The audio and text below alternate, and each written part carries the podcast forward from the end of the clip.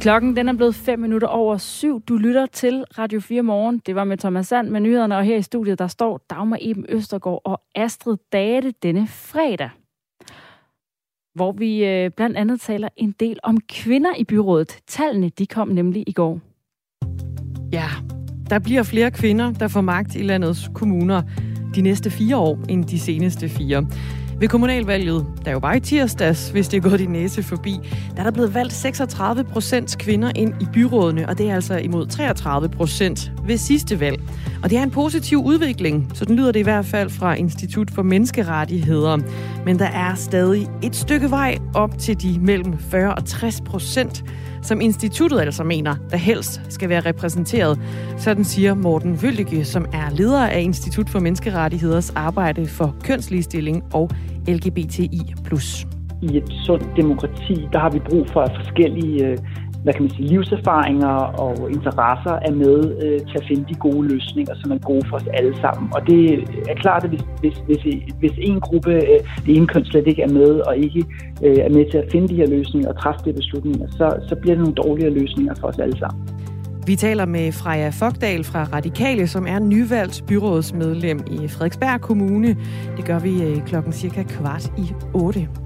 Og så er det jo fredag ovenpå en for nogen meget, meget lang kommunalvalgsuge. Måske øh, rigtig meget for politikerne og journalisterne, der har dækket det.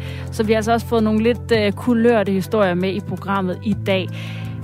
Vi skal nemlig øh, det næste time blandt andet snakke om, snakke om, hvordan man kan oversætte sort dansk humor i dansk film direkte til det amerikanske filmpublikum.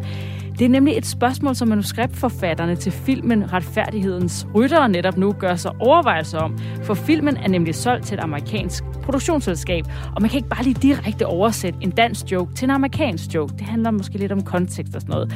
Det skal vi høre mere om med øh, forfatterne bag filmen og en filmekspert om dansk humor i amerikanske udgaver, og det skal vi om 10 minutter.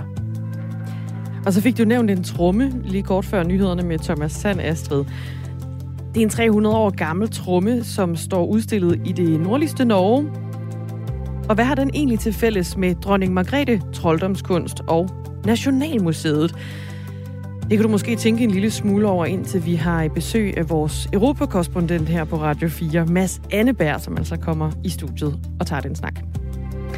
Men øh, først, der skal vi altså høre om det, det her spørgsmål med, som vi har faktisk snakket om før, Dagmar, her i, øh, i programmet. Det her med, om man skal lave en, øh, en opdeling mellem vaccineret og ikke vaccineret. Skal der være forskel på reglerne, på hvad man må, på restriktionerne, ja. som jo vi har set ude i Europa, og spørgsmålet er, skal det også til Danmark? –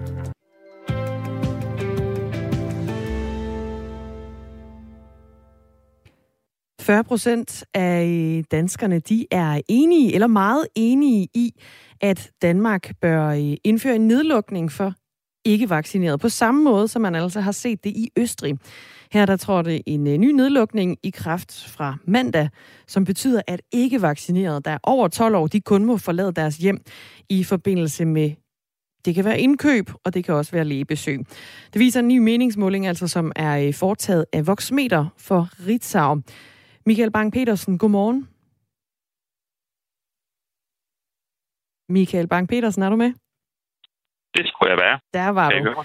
Professor ja. i øh, statskundskab ved Institut for Statskundskab på Aarhus Universitet. Og så leder du også det her HOPE-projekt, som undersøger danskernes adfærd under, øh, under corona. Det her tal, altså 40 procent, der er enige eller meget enige i, at Danmark bør indføre en nedlukning for de ikke vaccinerede på samme måde, som man har gjort i, øh, i Østrig. Er det en, en overraskelse for dig? Nej, det, det er det ikke, fordi vi kan se i øh, vores egne data, som vi indsamler, og den forskning, vi har lavet, at der er, øh, kan man sige, en fordømmelse, der retter sig mod de uvaccinerede. Og det handler om, at der er folk, der er bange for at blive smittet, men det handler også om, at der er folk, som synes, nu har vi gjort vores, nu skal de gøre deres. Og de her ting leder altså til, at man siger, lad os putte restriktioner på de uvaccinerede. Også jo fordi, at man som vaccineret, så kan man sige, så slipper man jo selv. Ja, hvad siger den her undersøgelse dig om, om danskerne og deres adfærd og deres øh, måde at handle og være på her under corona? Jamen, det fortæller jo noget om, at, øh, at der er nogle potentielle øh, splittelseselementer i sådan en krise, som vi står i, hvor at, at der er en, en opdeling i dem, der har taget hele paletten af råd øh, til sig øh, omkring øh, vaccination, og så er der nogle andre, der ikke har gjort det. Og der, der er altså mulighed for at, øh, at så splid mellem de her grupper. Og vi kan også se i undersøgelsen, at, at der er også uenighed øh, blandt øh, den danske befolkning omkring det her, fordi der er næsten lige så mange, som er uenige i det. Der er jo i hvert fald øh, knap 34 procent, som øh, erklærer sig meget uenige, eller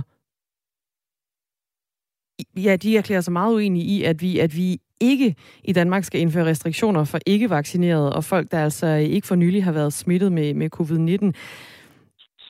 Viser det netop ikke, at der så ikke er en stor splittelse i samfundet? Det er jo relativt sådan ligeligt fordelt 34 procent mod 40. Ja, det, det, og man kan sige, det er jo lige præcis det, der viser, at der er en splittelse i, i den forstand, at, øh, at der er uenighed omkring det her øh, tiltag. Det er rigtigt, det er ikke sådan, at vi ser de 90 procent voksne, som er vaccineret, at de siger, lad os bare lukke, lukke ned, og så står der 10 procent, som kunne være uvaccineret, der siger, øh, nej, øh, lad os lade være. Men, men vi kan se, at der er en, en uenighed i befolkningen generelt set, om man skal tage denne her slags øh, tiltag i, i brug. Også der er en ting, der er interessant ved det her spørgsmål, det er, at hvis man sådan graver ned i detaljerne, så kan man se, at der er 7 procent, som siger, at, øh, at de ikke øh, ved, hvad det er, de skal mene. Og det er relativt højt for, for denne her type spørgsmål. Så det tyder også på, at der er en usikkerhed over, jamen, hvad er det egentlig, vi, vi skal? Den her splittelse, hvor, hvor i ligger den? Hvor opstår den? Jamen, jeg tror, noget af det øh, ligger i, at folk de synes, vi står i en usikker situation lige nu. Øhm, det kan være svært for den, for den enkelte at finde ud af, jamen, hvor alvorlig er situationen egentlig. Nu har vi lært at følge smittetallene igennem hele epidemien, og de er meget, meget høje. Men omvendt får vi også at vide, at vi står et andet sted. Og det kan gøre, at det er, er svært at finde ud af, jamen, hvor alvorlig er situationen. Og der kan også være en usikkerhed om, jamen, hvad er det, vi kigger ind i? Fordi jeg tror, at denne her opbakning vil også handle om, øh, kommer der en, en nedlukning? Hvis der kommer en nedlukning for os alle, så er der nok mange, der tænker, jamen så lad os da starte med de uvaccinerede i hvert fald. Mens at hvis, hvis fremtiden mere handler om, øh, at vi skal tage et, et mundbind på, så er der nok flere, der vil sige, om så er der måske ikke nogen grund til at tage det værktøj op af værktøjskassen. Så det handler også lidt om, at der er en usikkerhed om, hvor er det, vi står, og hvor er det, vi er på vej hen. Lad os lige runde Østrig, fordi der var jo, øh, det var i mandags, der trådte en ny nedlukning i kraft i landet, som altså gælder for alle ikke vaccinerede over 12 år, eller øh, som, som lige har haft, haft corona. Det betyder, at de ikke vaccinerede, de kun må forlade deres hjem for at gå på arbejde, eller for at købe ind, eller gå til lægen, eller andre sådan, kan man sige, vigtige ting. Øh, den østriske nedlukning, den omfatter ikke længere et test, hverken kviktest eller PCR-test. Det er altså kun vaccinen, som for eksempel giver adgang til bar, restauranter, fitnesscentre osv.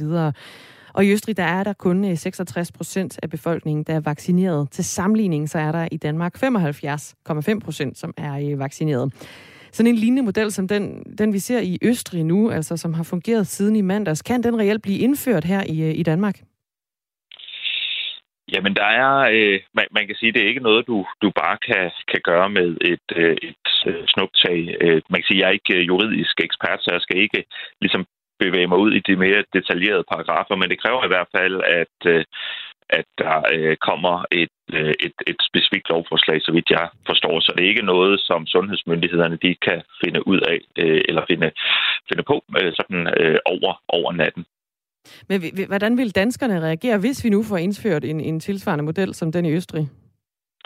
Jamen ud fra denne her øh, meningsmåling, så kan man sige, at det, øh, det vil øh, et... Øh, det vil der være uenighed om. Det er formentlig noget, der vil skabe øh, debat, og jeg tror, at den debat vil blive forstærket af, af den øh, debat, der vil komme på Christiansborg, fordi der er mange partier, der har meldt ud, at det her det, øh, er det, ikke, det er ikke noget, de går ind for, så der vil være debat på Christiansborg, og, og den debat vil sætte sig i befolkningen øh, også. Men, men igen, så handler det også om, jamen, hvor er, det, hvor er det, vi står henne i epidemisituationen? Der er ikke noget, der foregår i et vakuum i en krise som denne her. Så folk har ikke fasttømrede holdninger. Det er noget, der kommer til at bevæge sig afhængig af situationens alvor. Daniel, en øh, lytter, har allerede skrevet ind til os med et indspark til den debat. Han skriver, Goddag, vi tager ofte afstand fra Kina på grund af deres diktatur og lignende måde at regere på. De har tvunget folk til at lade sig vaccinere. Hvis vi indirekte begynder at tvinge folk til at lade sig vaccinere ved at ekskludere dem fra samfundet, så begynder vi at ligne Kina. Hvor stopper tvangen så? Hvilken gruppe ekskluderer vi næste gang? Daniel, han frygter altså, at det her det bliver en glidebane. Og man kan jo spørge, øh, risikerer man ikke, hvis man opdeler samfundet på den her måde, også at skabe et A- og B-hold, Michael Bang-Petersen? Afhængigt af, om man er vaccineret eller ej, ikke? Altså, det er jo en klar øh, opdeling, og man kan sige, det, det som, når jeg sådan tager min, min statskundskabshat øh, på, det der det er en fare i det, det er, at vi ved, at dem, der er uvaccinerede, de har mindre tillid til myndighederne, og de føler sig i forvejen mere presset af, af restriktioner.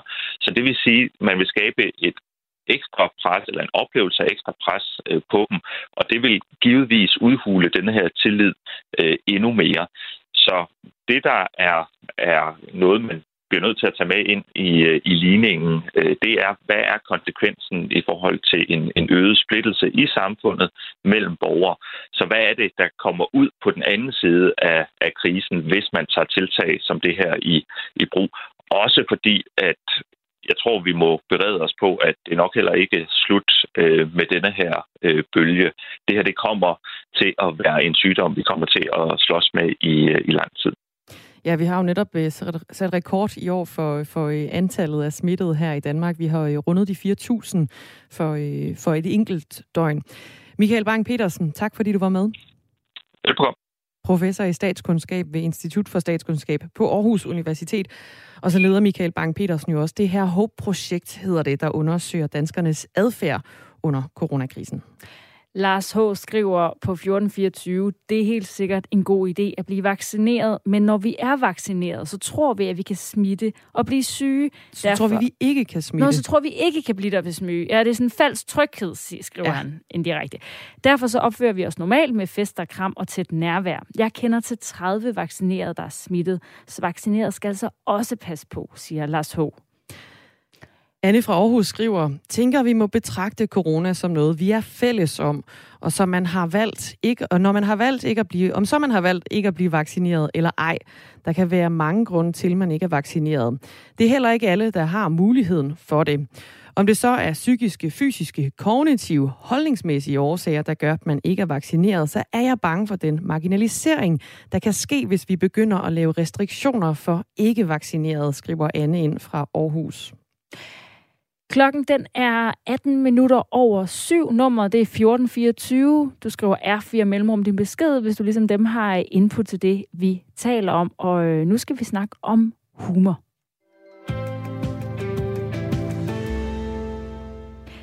Den danske hævnkomediefilm Retfærdighedens Rytter, den er nemlig blevet solgt til et amerikansk produktionsselskab og det betyder, at den skal oversættes. Filmen, den handler om den... Ja, det du altså ikke at lave en dansk film i USA. Det er nemlig det. Nej, det, det, det er sådan noget med bare at sætte undersætter på. Og det er jo det også, fordi det er jo netop en komediefilm, så der er noget med humoren, skal jo ramme rigtigt. Mm. Den her film, hvis øh, du ikke har set den, den handler om den udstationerede militærmand Markus, spillet af Mads Mikkelsen, som må tage hjem til sin teenage-datter Mathilde, fordi hans kone dør i en togulykke. I første omgang, der ligner det en tilfældighed, men en overlevende passager fra togulykken, Otto, spillet af Nikolaj Likås, opsøger Markus for at fortælle, at det var et attentat. Og så går jagten ellers ind på at opsøge rockere og finde bagmændene bag det her, den her togulykke. Retfærdighedens Rytter er en blanding mellem dansk action og komedie, og vi har lige en lille lydbid fra filmen her. Jeg var med samme tog som din kone og datter. Hvad ved? Jeg synes, du har krav på at vide, at det ikke var en ulykke. Hvis du bare lukker røven lige nu. Ah! Hvis du kunne hacke os ind i Fitness World server, så ville der være en mulighed. Fitness World? Fitnesskæde? Nej, stenhuggeriet, Lennart. Du skal tale pænt til mig, ellers så gider jeg ikke hjælp. Hvad vil du bruge det til? Jeg vil hævne min kone er sådan rimelig meget fart over feltet. Der er gang i den. Der er total gang i den, og det skal der jo så også øh, komme i den amerikanske udgave, øh, som, øh, ja, det er filmens oprindelige manuskriptforfattere Anders Thomas Jensen og Nikolaj Arcel, der selv skal stå for det. Og spørgsmålet er så, hvordan man oversætter den her underfundige, sorte, nogen måske vil sige danske humor i retfærdighedens rytter til det amerikanske filmpublikum. Det spurgte vi Nikolaj Arcel om, da vi fangede ham på en telefon i går det, der i virkeligheden bliver svært med det amerikanske publikum, det, det er sådan nogle helt andre ting, man slet ikke tænker over. Altså for eksempel starter hele øh, Anders Thomas' film med, at datteren øh, Mathilde, hun får stjålet sin cykel, og, og der, der er ikke særlig mange procent af den amerikanske ungdom i dag, der cykler i skole. Og så, altså, det er mere sådan nogle ting, men øh, vi er nødt til at forholde os til. Og så er der heller ikke så mange øh, rockerbander i USA, der er specielt farlige, så der er vi også nødt til at lave skurkene for eksempel om, ikke? Der er sådan flere ting, man øh, skal tænke på, når det lige pludselig bliver en amerikansk kontekst, og den skal jo også stadig være præget af skæv og sort humor. Det fortæller Nikolaj Arcel.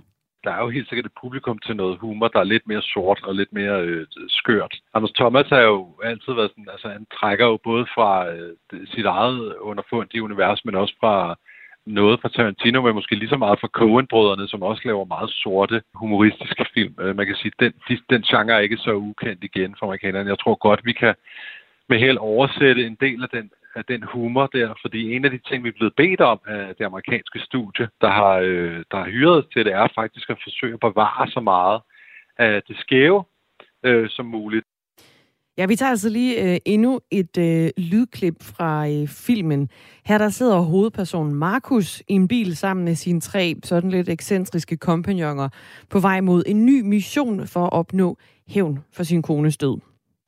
Du får ikke din kone tilbage ved at gøre det. Jeg stopper bilen, når jeg brækker det næste, jeg lover dig. Skal vi nu ikke bare få det her overstået som team, så vi kan komme hjem og få banankage? Præcis. Jeg siger bare, hun er død, og hun kommer ikke igen. Ja, og smask, så får øh, Nikolaj Likåses karakter altså en på hovedet af Mads Mikkelsens karakter.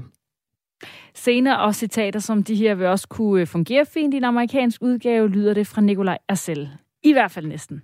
Det tror jeg faktisk godt. Altså, bortset fra, at det måske er apple pie i stedet for banankage. Altså, jeg tror i virkeligheden, det der gør, det er, at karakteren er så tosset, at han tænker lidt, han, han glæder sig så meget til at få noget, noget øh, kage, i stedet for at skulle gøre det. Og lige så meget handler om, at skide bange for, det skal ske. Så jeg tror, at vi vil sagtens, man kan oversætte den slags jokes. Der er nogle andre ting, altså jeg, jeg kan sige så meget, sådan, at de ting, vi allerede nu har fået at vide, øh, vi skal passe lidt på med, det er sådan noget med, det er sådan lidt mere sådan noget med seksualitet. Det er jo sådan noget, som amerikanerne, de har sjovt nok enormt nemt med vold, men de er meget svært med seksualitet, så der er nogle af de der ting, vi måske skal tone lidt ned med. Altså for eksempel Lars Brygmans karakter har, er blevet, øh, har oplevet en masse incest i sin øh, ungdom og sådan noget. Det er vi ligesom blevet decideret bedt om at lave om ikke, og tage ud. Altså, der er sådan nogle ting. Så er der jo også noget helt andet, som er interessant, det er, at hele det der øh, diversitet, som der bliver arbejdet meget med nu, både sådan set i Danmark, Europa og også i USA meget, det er jo også blevet sådan et krav, som er interessant. Nu er vi nødt til at begynde at tænke karaktererne, i stedet for bare at lave fem hvide mænd, øh, så er vi nødt til at begynde at tænke dem som øh, måske øh, et mere divers gruppe af, af mennesker. Det er jo også bare en udfordring. Det er jo sjovt at prøve at lave om. Nu kan vi sige godmorgen til dig, Mikkel Abel. Godmorgen. Du er filmekspert og streamingredaktør på filmsitet Movie.dk, og vi hører jo lidt her om nogle ting, som man skal tænke på, når man laver et uh, remake, og lige pludselig skal oversætte noget dansk komedie med sort humor til en amerikansk filmsektor. Hvorfor er det overhovedet, at det er nødvendigt? Hvorfor kan de ikke bare smide danske undertekster på, og så uh, sende den over, over havet? Hmm. Så de, de har jo altid haft svært ved undertekster, så om det er en dovenhed eller noget andet, skal jeg ikke gøre mig klog på. Men de vil jo meget gerne have det på deres egen måde, og noget, de nok kan relatere sig lidt mere til. Og der er bare en uh, stor kontrast i, hvordan man sådan uh, traditionelt laver humor i Amerika, og så hvordan man laver humor i Danmark og der er Skandinavien.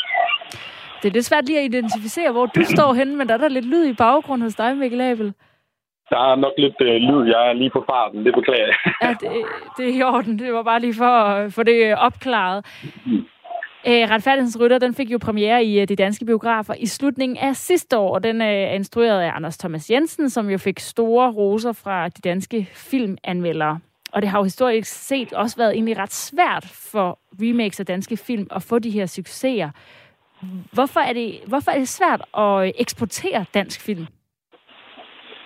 Så især øh, de seneste år er der jo kommet meget sådan, jeg synes, dansk film har fundet meget sit eget sprog. Det er blevet sådan lidt mere underfundigt. Det er blevet lidt mere skævt ofte. Øhm, og især øh, Anders Thomas Jensen har jo en helt særlig stil. Altså, han er jo en af de helt store, som nu skal bruge et fint ord som øh, autør her i Danmark. Jeg synes sagtens, at man kan nævne ham i samme, samme ånddrag som, øh, som Trier og Reffen. Det er en meget særlig stil, og øh, især den her sorthumoristiske stil, Anders Thomas Jensen især dyrker, den er bare ikke så let at lige skyde en til en over i en øh, amerikansk sammenhæng. Nu øh, kunne jeg høre Nikolaj selv, han nævnte noget om øh, seksualitet og de her... Øh, og der er en film, der dykker meget mod nogle tabu og bruger det humormæssigt.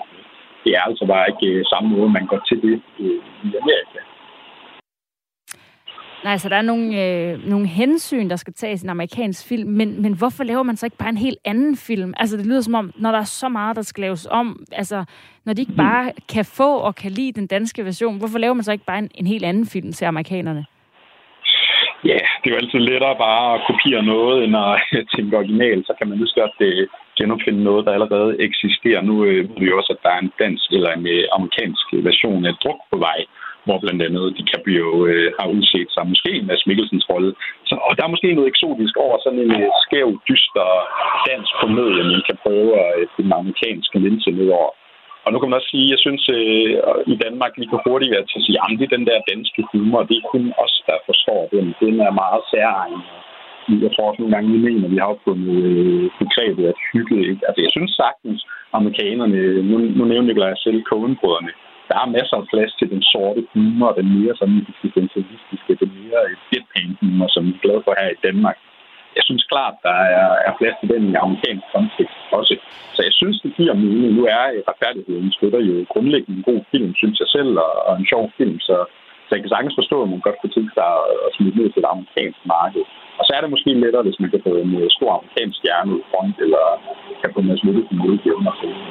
Ja, hvis man kan få Mads Mikkelsen med igen. Lyden er sådan lidt sketchy. Vi prøver lige det øh, sidste spørgsmål, Mikkel Abel. Og det er, undervurderer vi ikke amerikanerne. Altså, vi så jo Parasite blive en kæmpe succes, en sydkoreansk film med undertekster, for ellers så er det jo helt umuligt at forstå. Altså, og, og vi ser jo også film fra andre lande. Altså, er det i virkeligheden måske et unødvendigt hensyn, vi tager, i stedet for at øh, åbne det amerikanske publikum lidt op for udenlandske film? Man kan sige både og. Altså, der, jeg synes, øh, det, det bliver bedre og bedre, at øh, de her små internationale film, de kan slå igennem i, i Amerika. Nu har man jo blandt andet ændret Best Foreign Language i Oscar-samlingen. Den har man ændret til bedste internationale film. Så jeg synes, der er en tendens til, at, øh, at små film fra hele verden kan, kan nå bredere publikum i Amerika. Så der er klart et spørgsmål om, at de amerikanske distributører de er nødt til at tro mere på projektet, som du siger, Parasite, den har bevist, at øh, man kan nå meget, meget langt, selvom man kommer fra en helt anden kultur og snakker et helt andet sprog. Så, så jo, man kunne sagtens sige, jeg mener også, at den danske retfærdige der har været de amerikanske øh, biografer og, og, og fået noget øh, omtale, men det er klart til at en amerikansk kontekst og, og med nye skuespillere, et nyt sprog, øh, et nyt take for den, så øh, vil du kunne nå endnu bredere ud. Michael Abel, filmekspert og streamingredaktør på filmsitet Movie. Tak fordi du var med. Det er mig, der snakker, og beklager, hvis der var lidt dårligt lyd. Ja, og det skal vi måske virkelig også beklage. Jeg håber, at uh, du kunne høre det derude i radioen, at, uh, at uh, det var til at høre. Jeg kunne i hvert fald godt høre det herinde.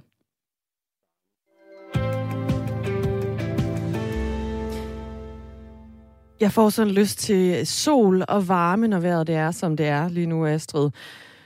Og så fik jeg faktisk endnu mere lyst til det, da jeg læste en nyhed om, at øh, stranden, Maya Bay, den genåbner. Den har været lukket i tre år, fordi... Åh, oh, du må hjælpe mig lidt. Hvor er den henne? Den ligger på en øh, ø i Thailand. Ja. Der hedder Koh Phi Phi Li, tror jeg øen hedder. Og den her strand, den er jo enormt kendt, fordi den er med, og ligesom omdrejningspunkt i den her film, der hedder The Beach, fra 2000 for Leonardo DiCaprio. Han spiller en ung fyr, øh, der hedder Richard, som tager ud på den her ø med sådan en lagune og en smuk strand, hvor de laver sådan lidt et, et, et hippie-samfund væk fra, væk fra øh, Thailands ellers i øvrigt øh, sådan meget turistet øh, sted. Den her strand, den er jo blevet stormløbet af turister siden den her film i sådan en grad, at man bliver nødt til at lukke den for simpelthen at, at kan man sige, genrejse nogle af de... Restaurere øh, Ja, lige præcis. Og, og korallerne og sådan noget har taget massiv skade, men nu er den altså genåbnet efter tre år. Ah, men så ved vi, hvad vi skal lave i weekenden. Ja, vi skal til stranden. Klokken den er halv otte, og der er et nyhedsoverblik.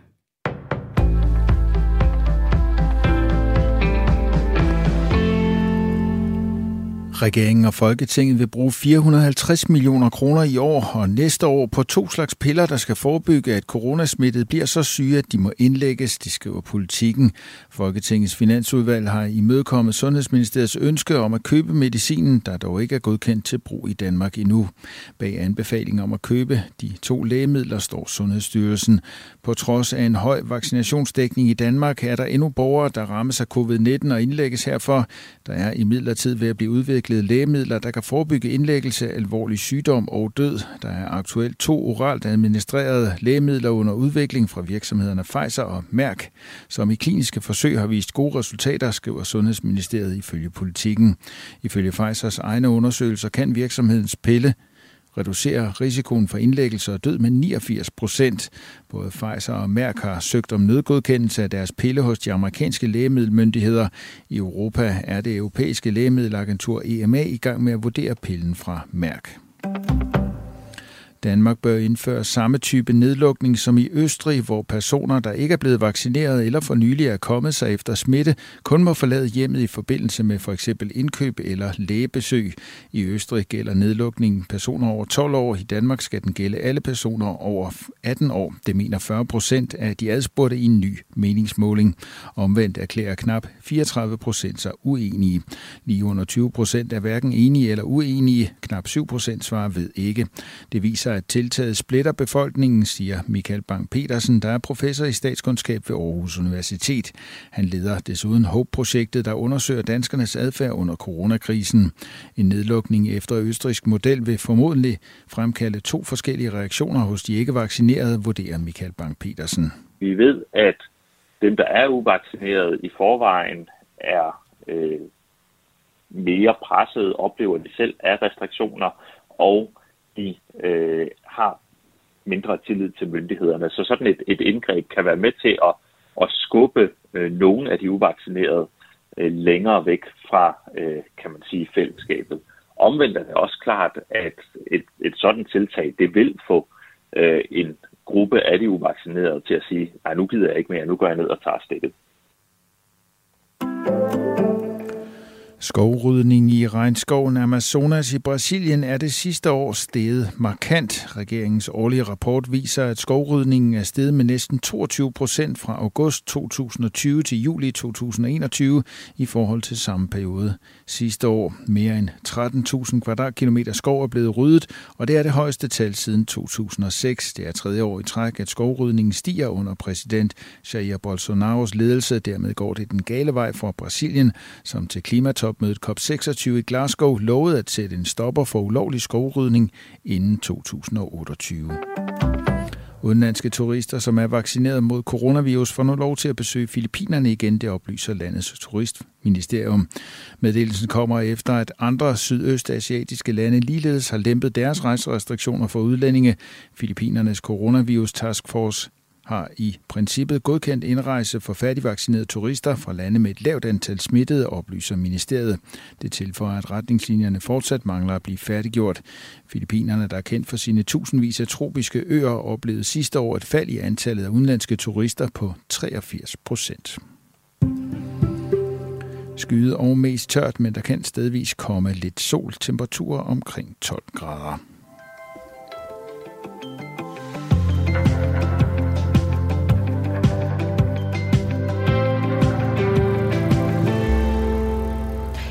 Klokken den er blevet 4 øh, minutter over syv her i øh, Radio 4 Morgenstudiet. Ah. 4 minutter over halv 8 her i Radio 4 Morgenstudiet, hvor jeg står med Dagmar i Østergaard, fordi jeg kan jo tydeligvis ikke klare det selv, så kommer jeg til at sige klokken forkert hver gang. Alt er godt. Klokken den er 26 minutter i 8, og du øh, lytter til Radio 4 Morgen. Vi skal blandt andet snakke om øh, kvinder i dag, fordi der er kommet flere kvinder ind i de danske byråd og kommunalbestyrelser. Flere kvinder får altså magt i landets kommuner de næste fire år. i forhold til de seneste fire år. Fordi ved kommunalvalget i tirsdags, der er der altså blevet valgt 36 procent kvinder ind i byrådene mod 33 procent ved sidste valg. Og det er en positiv udvikling, sådan lyder det i hvert fald fra Institut for Menneskerettigheder. Men der er altså stadig et stykke vej op til de mellem 40 og 60 procent, som instituttet mener, der helst skal være repræsenteret. Sådan siger i hvert fald Morten Vøldige, som er leder af Institut for Menneskerettigheders arbejde for kønsligestilling og LGBTI+. I et sundt demokrati, der har vi brug for, at forskellige øh, hvad kan man sige, livserfaringer og interesser er med øh, til at finde de gode løsninger, som er gode for os alle sammen. Og det er klart, at hvis, hvis, hvis, hvis en gruppe, øh, det ene køn slet ikke er med, og ikke øh, er med til at finde de her løsninger og træffe de beslutninger, så, så bliver det nogle dårligere løsninger for os alle sammen. Du kan byde ind på sms'en også på den her historie. Skriv ind til 1424, start med R4, lav et mellemrum og øh, send den afsted. Er det vigtigt, at der kommer flere kvinder ind i byrådene? Er det vigtigt, at vi måske endda når altså sådan en 50-50 på mænd og kvinder i de danske byråd? Og så taler vi øh, videre om øh, den sag om 10 minutters tid, fordi øh, først der skal vi altså høre om en øh, tromme, der skaber øh, diplomatisk krise, måske så meget sagt, men øh, nok krise til, at vi har været så heldige at få besøg i studiet.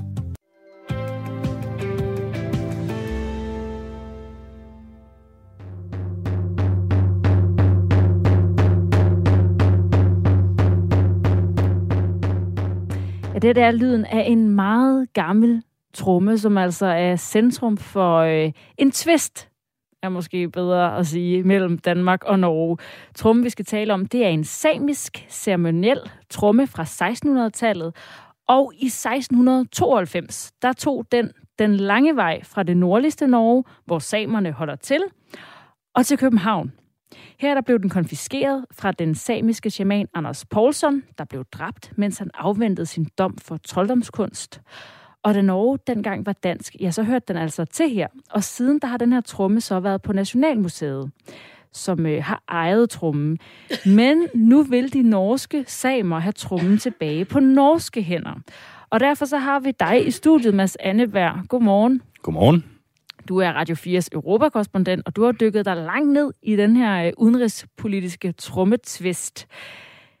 Den er jo ejet af os, den her tromme i Danmark, men øh, den står faktisk udstillet i Nord-Norge på øh, de samiske samlinger. Så hvad er problemet? Ja, altså lad mig starte med at sige, at jeg er jo desværre ikke øh, ekspert på hverken samer eller øh, trommer, men jeg har til gengæld ringet op til det her lille bitte museum, som ligger øh, helt, helt oppe, altså nord for Polarcirklen i den lille norske by Karasjok, Øhm, og øh, talt med den her samiske museumsdirektør der, deroppe, som altså øh, ja, st- står tæt på trummen øh, lige i øjeblikket. Og hun, øh, hun fortæller mig, at jo, altså for det første, så er der jo det her med, at det er lidt bøvlet for dem, at de skal bede om, om lån hos Nationalmuseet hver, hver femte år, fordi de er sådan en lille museum, det er de nærmest ikke ressourcer til. Men det er selvfølgelig bare en, en ting. Altså den, den primære ting, det er, og nu tror jeg, at du fik sagt et eller andet med, at den ligesom hørte til her. Og det tænkte man måske tilbage i 1600-tallet, men det tænker man altså ikke rigtig længere. Altså det gør samerne i hvert fald ikke. De, de synes ikke rigtigt, at den tromme har noget med, med Danmark at gøre. De synes, at som ordet jo ligesom siger, så er det en samisk tromme, som er meget vigtig for dem og, og for deres kultur. Øhm, og man kan sige, at det nye er så, at den norske regering også er gået ind i sagen og støtter op om samerne og siger, nej, det kan faktisk ikke rigtigt passe, at vi skal låne den her øh, og, og forny lånet hver, hver femte år som sådan en anden biblioteksbog. Det er noget, der, der hører til i Norge. Det vil vi gerne have tilbage, tak. Så det er en principiel sag, lyder det som om. Hvorfor er det så vigtigt for øh, altså både for samerne, men også den norske regering, at øh, få den her tromme tilbage i øh, den norske ejendom? Altså, det er vigtigt for den norske regering, øh, tror jeg, fordi det er vigtigt for samerne. Det er vigtigt for samerne, fordi at de her trummer, som er sådan, man skal forestille sig sådan en, altså det hedder, øh, hvis det i virkeligheden en runebumme, sådan en, en rund øh, tingest af, af, af fyretræ, og så med rensdyrskin henover, som man så kan stå og, og, og, og slå på. Øhm, og de bliver brugt som sådan en form for religiøs, øh, øh kulturel instru- instrument blandt øh, samerne i, øh, ja, altså her i, i, i gamle dage, så at sige, indtil blandt andet danskerne kom for, for mange hundrede år siden, og ligesom ja, øh, to trommerne og anklagede en række samer for, for trolddomskunst og, og, og puttede dem for retten osv. Øhm, det vilde er, at der faktisk stadig er en forhørsprotokol fra retssagen mod ham her, shamanen Anders Poulsen, som øh, altså var hans, øh, hans norske navn, øh, hvor man, man, altså det står levende beskrevet, hvordan han mente, han kunne helbrede folk med den, og hvordan han kunne spå om vejret og, og alle mulige andre ting. Og øhm, ja, nu til dags, der er der så simpelthen så få af de her oprindelige trommer tilbage, og nærmest ingen af dem er ejet samerne. Og det er derfor, at de gerne vil, vil have den tilbage, og ligesom også kunne fortælle den, den del af deres historie. Altså en uh, tromme, der har en meget stor historisk værdi for uh, samerne i Nord-Norge. Og det har, som du siger, altså fået den norske kulturminister til at blande sig, Annette Trettebergstuen, og hun siger sådan her. Ja, jeg synes min uh, kulturministerkollega, som jeg allerede har mødt, og som jeg har et godt forhold til, uh, skal lytte til museet og skille ut den gjenstanden, slik at de kan få den permanent der den hører hjemme. I Norge hos samerne. Og hun siger altså, at øh, hendes danske kollegaer i øh, Kulturministeriet herover, som har et ganske godt forhold til, de burde lytte til samerne i Nord-Norge og give dem trummen tilbage. En klar opfordring altså fra den norske regering til den danske om at aflevere den her tromme. Hvad er det? Hvad, hvad svarer vi til det her i Danmark, Mads Anneberg? Det er jo det helt gode spørgsmål lige nu. Det ved øh, vi ikke. Og vi ved det simpelthen ikke. Nej. Nej øhm, det, er, det er en sag, der har været vidt omkring det her. Øhm, for det første så har samerne ligesom øh, prøvet at kontakte dronning Margrethe, øh, skrevet et, øh, et, et langt, øh, flot brev til, til hende. Der er så kommet øh, svar tilbage fra, fra hoffet øh, her i Danmark, at det kan dronning Margrethe desværre ikke hjælpe med. Det ligger simpelthen lige en lille bitte smule uden for hendes øh, pastorat. Hvorfor er vi så, øh, altså, hvorfor er vi så glade for den tromme? Kan vi ikke bare, kan vi ikke bare være ligeglade med at give dem den tromme tilbage? Det kunne man jo, det kunne man jo godt argumentere for. Øhm, Dronning Margrethe henviser så til Nationalmuseet, og på Nationalmuseet har de faktisk besluttet, at for deres skyld, jo, så kan vi godt give den her tromme tilbage til samerne. Og det er jo, det er jo ligesom det første skridt. Øhm, men nu er det så altså faktisk en politisk beslutning, hvor det er Kulturministeriet og i sidste ende Kulturministeren, der skal bestemme, om vi kan give den her tromme til bag til samerne. Og du kan sige, hvis du skal stille det op som sådan et regnstykke, hvem går mest op i trummen? Ja, så kan du sige, samerne går til synligheden med rimelig meget op i trummen. Jeg havde personligt ikke hørt om den indtil for, for, for altså et par dage siden, og, og det er sikkert det samme med mange af dem, der sidder og lytter med. Ja, og det er jo øh, bemærkelsesværdigt, at både den norske og den danske regering er blandet ind i den her sag, og det er ikke bare en sag mellem to museer. Hvor, hvor tror du, det ender, Mads Anneberg? Mm, det tør jeg faktisk ikke rigtig spå om. Men man kan sige, det er jo, en, det er jo lidt en kedelig situation måske for en dansk øh, kulturminister at sidde i, fordi på den ene side, så vil man gerne beskytte øh, ting, som, som vi har i Danmark og på danske museer, som, som ligesom er, er i dansk øh, eje du kan prøve at kigge dig omkring på, på forskellige øh, museer, og så konstatere, at der er jo faktisk en del af det, som måske, hvis man var sådan virkelig rigid, ikke rigtig hører til i Danmark, altså egyptiske sarkofager og græske statuer, jeg skal komme efter dig. Øhm, så det er jo ligesom den ene del af det, plus at der er sådan hele den her opgør med kolonitiden øh, skær over det, hvor vi jo også har nogle, nogle, nogle ting med, med Dansk Vestindien og, og, og, og så videre. Øhm, så det er på den ene side, og på, på den anden side, jamen, så vil man nok også være altså, det vil være lidt akavet at, at skulle sige nej til den her nye norske socialdemokratiske regering, som man gerne vil være gode venner med. Så det, ja. Har du spurgt kulturministeren? Ja, det kan jeg også. Øh, ja, det har jeg. Og øh, altså, kulturministeren vil ikke kommentere på sagen, indtil hun, altså, og ministeriet har, har truffet en, øh, en beslutning. Jeg har også prøvet øh, ordføreren, og han kan heller ikke rigtig sige så meget endnu. Nå, så øh, indtil da, så må man altså nøjes med at høre mere om den her sag i øh, programmet Kontinentet, hvor du er vært, Mads Anneberg. Ja, jeg kan sige, at jeg har blandt andet spurgt den norske kulturminister, om, øh, om de har noget byt med. Så det kan man høre. Det kan man høre. Det var lige lidt tease øh, for programmet. fået en sms netop på den. Der er en, der skriver, at øh, vi kan jo bytte med oliereserven, som øh, også har været vores.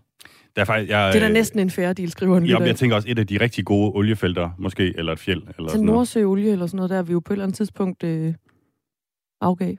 Det er, hvis man har flere gode idéer, så kan man lige øh, hænge på, og så lytte med fra mellem 10 og 10 og 11. Klokken 10, Mads Anneberg, Radio 4's Europakorrespondent, som er altså været på programmet Kontinentet, der dykker mere ned i den her øh, samer-trumme-sag. Tak fordi, at du var øh, med os her i studiet, Mads Anneberg. Selv tak.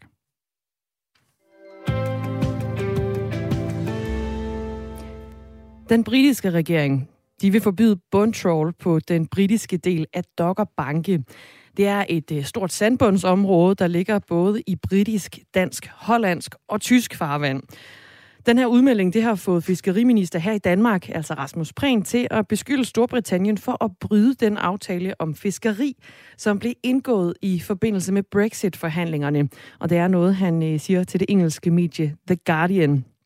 Og han bliver altså bakket op af Ken Skav Fischer, som er administrerende direktør i Danmarks Fiskeriforening, som vi talte med her i øh, Radio 4 morgen tidligere. Han mener, at øh, britternes udmelding kommer til at ramme danske fiskere. Når at britterne kører frem i forhold til Doggerbanke og egentlig også nogle andre britiske områder, så er det i høj grad fordi, at de selv har begrænset, absolut begrænset fiskeri øh, på øh, Doggerbanke. Så det vil være et forslag, der udelukkende rammer udenlandske fiskere og ikke deres egne fiskere. Det rammer os, fordi at Dokkerbanke er et af de vigtigste områder for det, der hedder tobisfiskeriet i, øh, i Nordsøen. Der er nogle rigtig gode sandbanker, hvor vi øh, årligt fanger øh, masser af tobis, når, det ellers, når sæsonen finder, er for det. Ifølge aftalen mellem EU og altså herunder Danmark og øh, Storbritannien, så har europæiske fartøjer fuld adgang til britisk farvand indtil år 2026. Og den aftale, den er vigtig i forhold til at sikre, at danskerne, de danske fiskere, de har adgang til det her tobisfiskeri. En fisk, som er vigtig for både fiskeriet og andre industrier på dansk jord, siger Kenskav Fischer. Tobisfiskeriet er et af de vigtigste fiskeri øh, samlet set for, for dansk fiskeri, og når vi har en god biologisk rådgivning i, for et år, øh, så er det noget, der kommer hele fiskerisektoren til, til stor gavn. Så er der mange fartøjer, der kan deltage i øh, tobisfiskeriet. Øh, og det er jo ikke kun fiskeriet, der har stor interesse, det er også de forarbejdningsvirksomheder, vi har, som, som øh, udnytter tobisen og i øvrigt også andre industrifisk til at lave øh, fiskemel og fiskeolie, som så eksporteres. Så det er jo ikke kun den landbaserede industri, der har stor interesse. Vi har simpelthen også øh, et par fabrikker, et par virksomheder, som, hvor tobis er en meget stor del af deres øh, omsætning i den her forbindelse. Og det fiskeområde på Dokkerbanke, det er kan man sige, historisk været det sted, hvor danske fiskere har fanget flest tobis. Det er derfor, området har vores interesse. Det er også derfor, det er noget, vi lader væk på i øh, forhandlingen med Storbritannien om aftalen for det fremtidige samarbejde. Britternes forbud mod bundtrål, det sker øh, som følge af de skader, som fiskemetoden medfører på havmiljøet. Og derfor så mener Jørgen Hansen, som er seniorforsker i marineøkologi på Aarhus Universitet, at det er en god idé at forbyde bundtrål, også ved Dokkerbanke, siger han. Jamen, øh, jeg synes, det er en god idé øh, for havmiljøets skyld. Øh, bundtråling, det øh, skader havbunden, og det skader dyrelivet, og øh, der er alt for få områder, som bliver friholdt for tråling i dag. Så, øh, så jeg synes, det er en god idé. Men den udlægning, den deler Kent Skav Fischer altså ikke. Han påpeger nemlig, at bundtrål ikke, nødvendigt, ikke er nødvendigt for at fange de her tobis. Jamen, det er heller ikke vores tilgang, at havmiljøet skal skades. Vi er nok dem, der holder allermest af et sundt havmiljø. Øh, når vi taler om, om Dokkerbanke-området, så er det et sted med en masse sandbanker. Og hvis man ser på Tobis, så hedder den på engelsk, så hedder den sand og det er udtryk for, at den faktisk borer sig ned i sandet en stor del af sit liv i noget sand. Og hvis man vil fange den her Tobis, så er man nødt til at fiske med et, et bundtrål, som bevæger sig ved, ved sandbunden, og som kan hjælpe til at fange øh, fisken. Så jeg synes, det er ærgerligt, at det bliver sådan fokus, og det er jo lige nøjagtigt det, som britterne gør i den her sammenhæng med at udlægge øh, Dokkerbanke til et, et beskyttet område, fordi det er en gratis og billig point for, for øh, den engelske regering. Sagde altså Kenskav Fischer, som er administrerende direktør i Danmarks Fiskeriforening, som vi talte med tidligere denne morgen.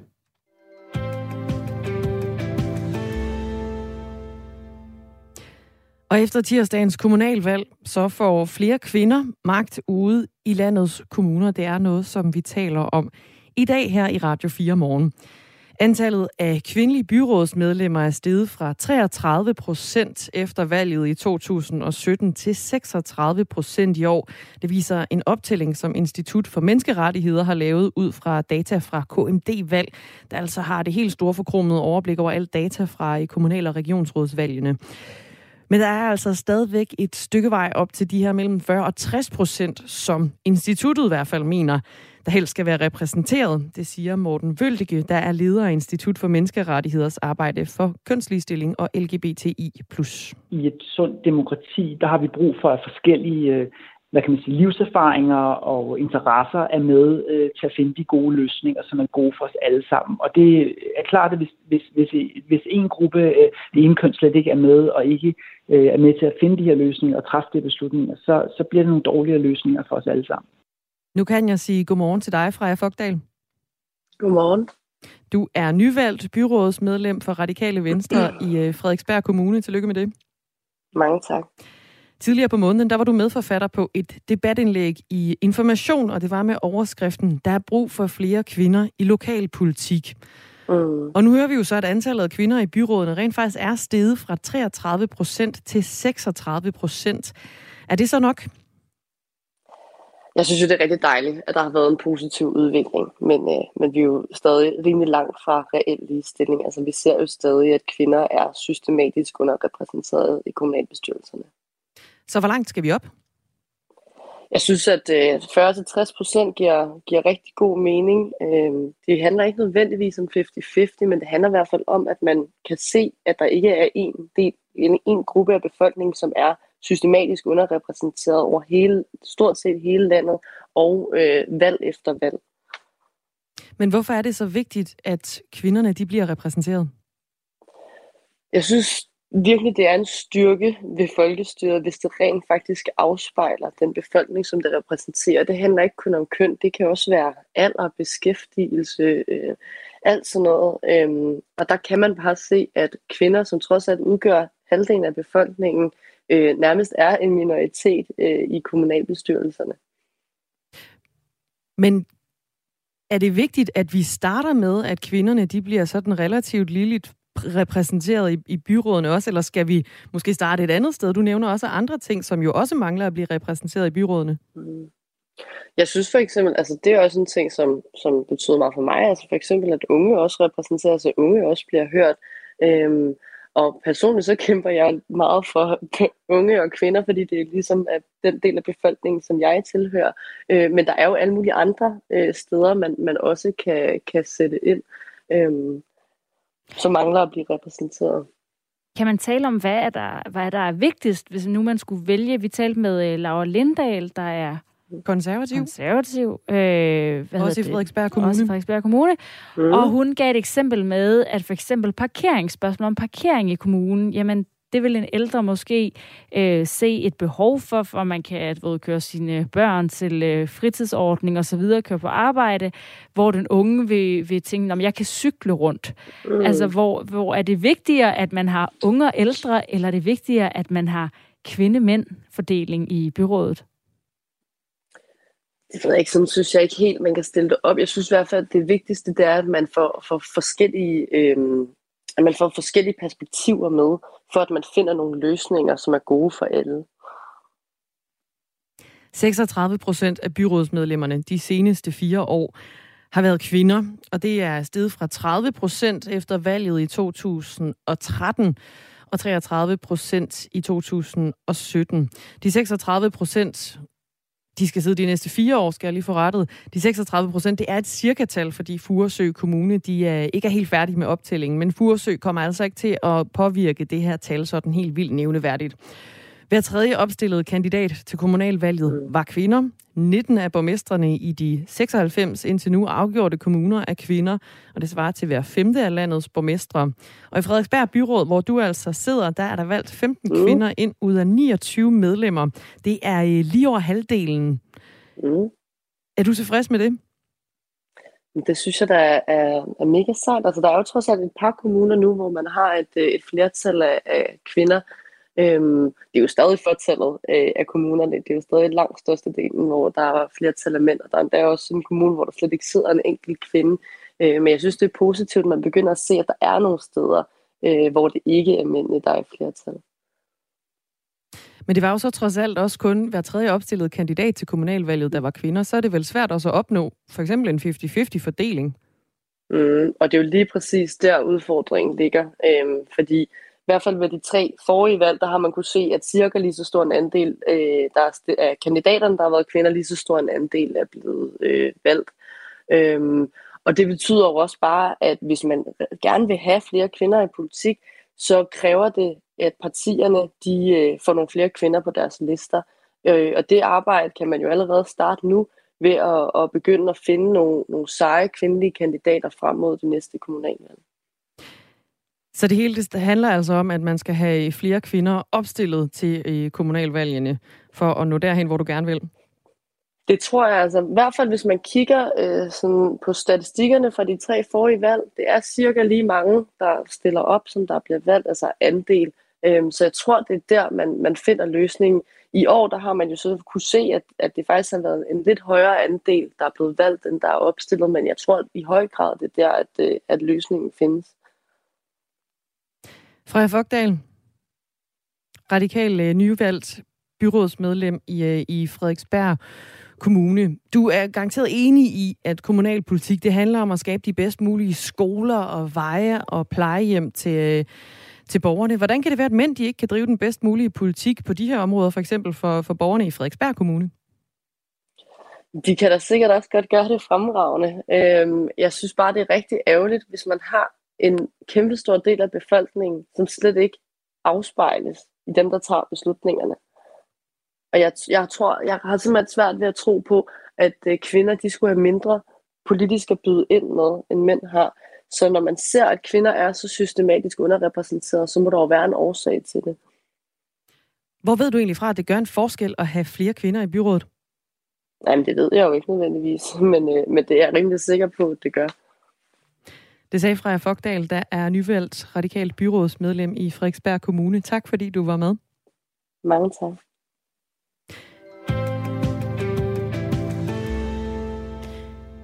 Vi har simpelthen fået flere sms'er, Dagmar, der gør os opmærksom på, at det jo er en særlig dag i dag, og øh, de er kommet, øh, hver gang vi har talt om øh, de her tal, der altså er kommet for, hvor mange kvinder, der er kommet i byrådene. Fordi den 19. november, det er simpelthen mændenes internationale kampdag. Der er en lytter, der skriver, det er mændenes dag i dag, udopstegn, udopstegn. Ja, Christian fra Nordjylland, han synes altså også, det er rimelig træls af os, at vi øh, ja, ikke snakker lidt mere om mændene i dag. Ja, og øh, man kan jo også øh, ja, tale om, at øh, mange har hørt, kender til kvindernes internationale kampdag, men mændenes internationale kampdag, den får ikke øh, helt lige så meget opmærksomhed. Og det er altså en kampdag, der blandt andet kan sætte fokus på øh, mænd, der er i fængsel, eller har hjemløshed eller misbrug. Tak for inputtet til tak det. for inputtet. 1424, men uh, nu er det altså kommunalvalg, og uh, vi snakker om i dag blandt andet, hvor mange flere kvinder, der er kommet ind i byrådet, og der er altså kommet godt 33 procent siden sidste valg. Valget før det, der var det også 30 procent flere, så der er altså en uh, markant udvikling i antallet mellem mænd og kvinder i byrådene i dag.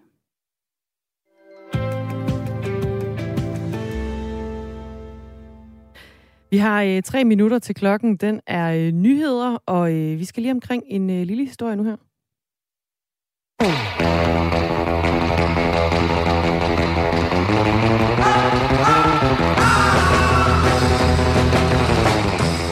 Altså yngre mennesker, som jeg selv, øh, nu tillader jeg mig at kalde mig yngre, øh, hører jo, øh, hvad hedder det? Åh, oh, så har jeg glemt bandnavnet. Det kan du hjælpe mig. Åh, oh. Ej, okay. Så det kunne jeg ikke engang repræsentere. Det er åbningstemaet fra filmklassikeren Pulp Fiction, vi hører. Men det er blevet brugt som sample i en, en, anden, i en anden sang. Øhm, men øh, den her filmklassiker, det er jo den kendte instruktør, Quentin Tarantino, der står bag den. Og han vil nu sælge nogle øh, digitale samleobjekter fra den her film. Men ja. øh, det har han ifølge filmselskabet ikke rettighederne til, så derfor så er Quentin Tarantino nu blevet sagsøgt af sit øh, gamle filmselskab. Hans idé var at sælge klip, ikoniske scener, digitaliserede sider af hans øh, håndskrevne manuskript og en øh, video, hvor han fortæller om hemmeligheder om filmen. Og man kan nok kalde det tænkte jeg, sådan en meget moderne form for merchandise til filmelskere.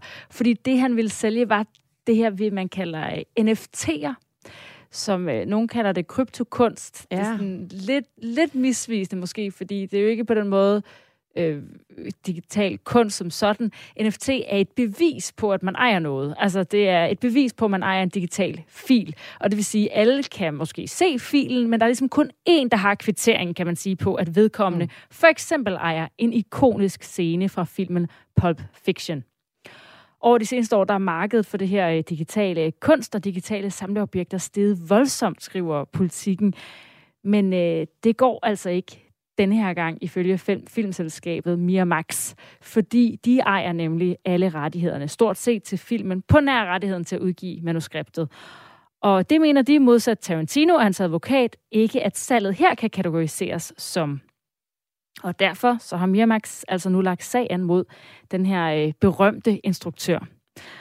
Og Dagmar, du må så lige øh, holde hesten i forhold til at købe en scene, hvor Uma Thurman og John Travolta danser twist sammen. Åh, oh, den vil jeg ellers gerne have. Ja, den, den er kan jo du sej. godt huske. Ja, den er Fed super scene. fed. Ja, ja, ja. De laver sådan en meget sådan, vi kan kalde det slow twist, eller sådan et eller andet i den stil måske. Ja, sådan langsom i sådan en dansekonkurrence. Helt i slow motion. er det meget øh, ikonisk. Jeg tror måske ikke, jeg har nok heller ikke penge til at købe den scene. Den er garanteret dyr. Den er garanteret dyr. Og nu prøvede jeg at finde ud af, hvad det var, øh, hvad det var for en... Øh, hvad det var for en... Hvem er det? Lou. Nej, ved du hvad, det finder jeg Nej. lige ud af, mens der er nyheder, hvad det er, den sang er blevet brugt i. Fordi klokken, den er 8 nu.